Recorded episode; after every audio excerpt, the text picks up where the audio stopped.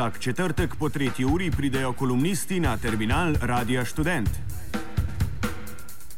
V terminalu vedno različni, nikoli isti, reš kolumnisti.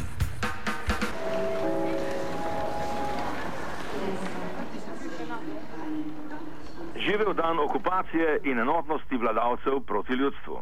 Spoštovani, spričo grotesknega ponavljanja zgodovine in večnega vračanja vedno slabšega in slabših slovenske politike, ki se nam dogaja ta čas, naj bi mu dovoljeno, da najprej citiram samega sebe iz studija City sredi novembra. Citiram. Tresla se je politična Slovenija, proračun, zaupnica, rodil se je slab zakon za više davke in obeti še slabših časov. Bo pa vlada brez grožnje predčasnih volitev še naprej lahko igrala trojko s človeškim obrazom in transmisijo Bruslja, da bo kapitalska Evropa dokončno sovražno prevzela naše banke in gospodarstvo in tako dokončala uničenje ostankov socializma v vzhodnji Evropi, kamor so nas s korupcijo in nesposobnostjo potisnili levi vladavci, zavestno radikalizacijo istega pa naši lažji patriotski desničari.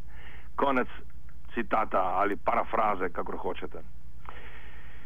No, sedaj po uspešni ohranitvi sedeža Slovenije ob ruleti v kazinu Evropa, kjer so, kot v vsakem kazinu, banke dobesedno in metaforično edini zmagovalci, pa bom še malo bolj direkten.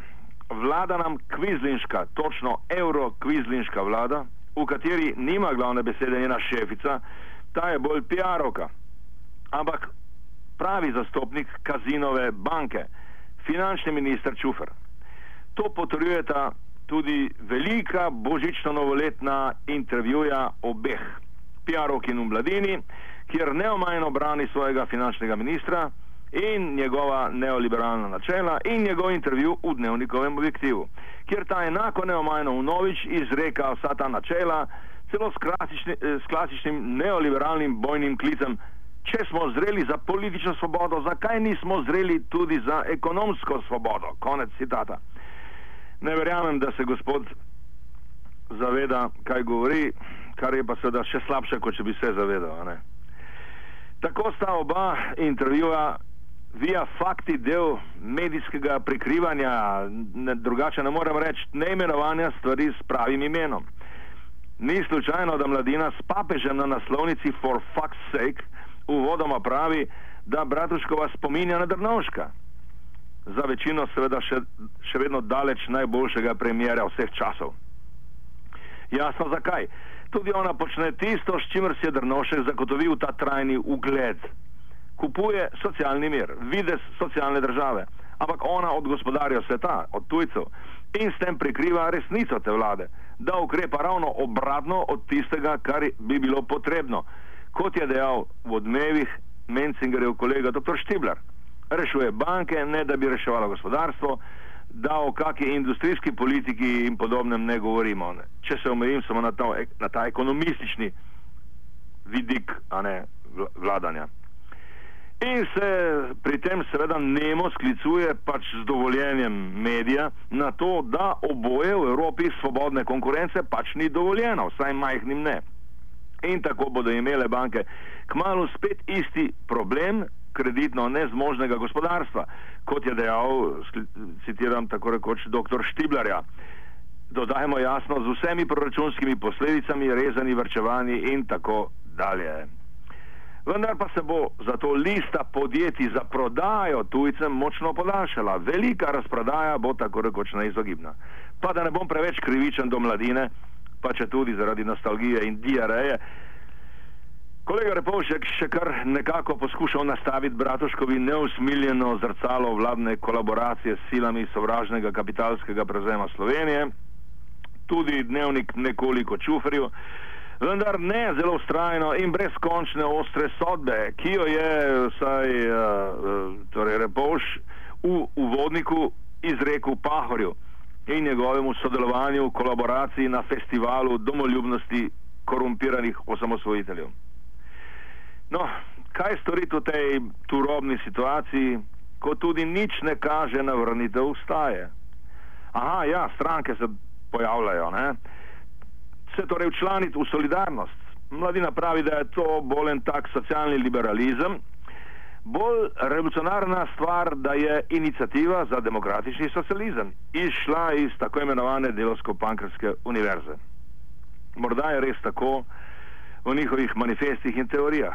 Je pa bil tu žal že tudi prvi viden nastop predstavnika inicijative Roka Kogeja za najširšo javnost v nedavni TV oddaji odkrito na temo demokratičnega socializma. Poleg delno nujne splošnosti argumentacije in tega, da ni odgovoril na več pomembnih provokacij nasprotne, na srečo zelo slabe strani, me je najbolj presenetilo njegovo lahkotno razumevanje lastnega sodelovanja na forumu 21.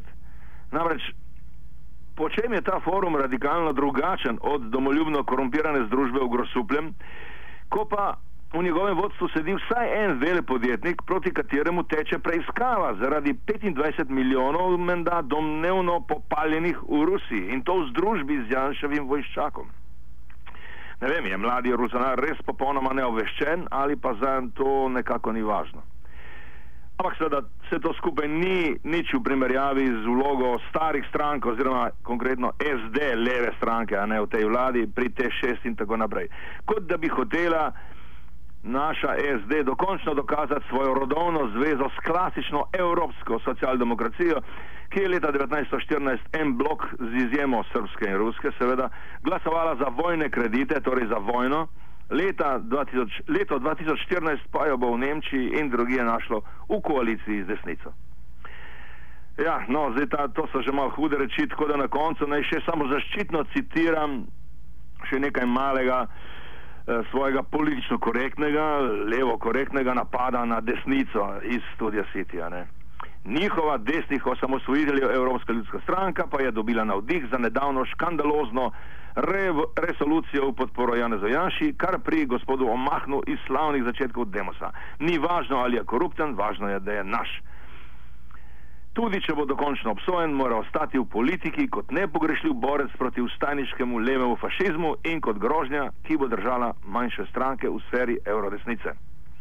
Pa tudi sredinske voljivce bo držala v objemu zmirnih in liberalnih strank, med katere sedaj rine tudi vedno bolj navidezno leva pozitivna Slovenija vse pa za narodov blagor in človeško masko evroslovenskega neoliberalizma. Konec citata.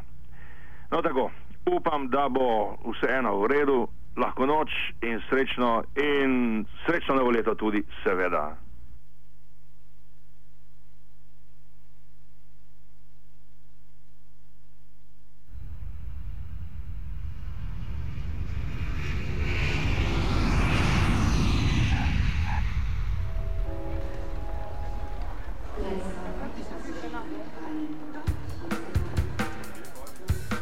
Vsak četrtek po tretji uri pridejo kolumnisti na terminal Radia Student.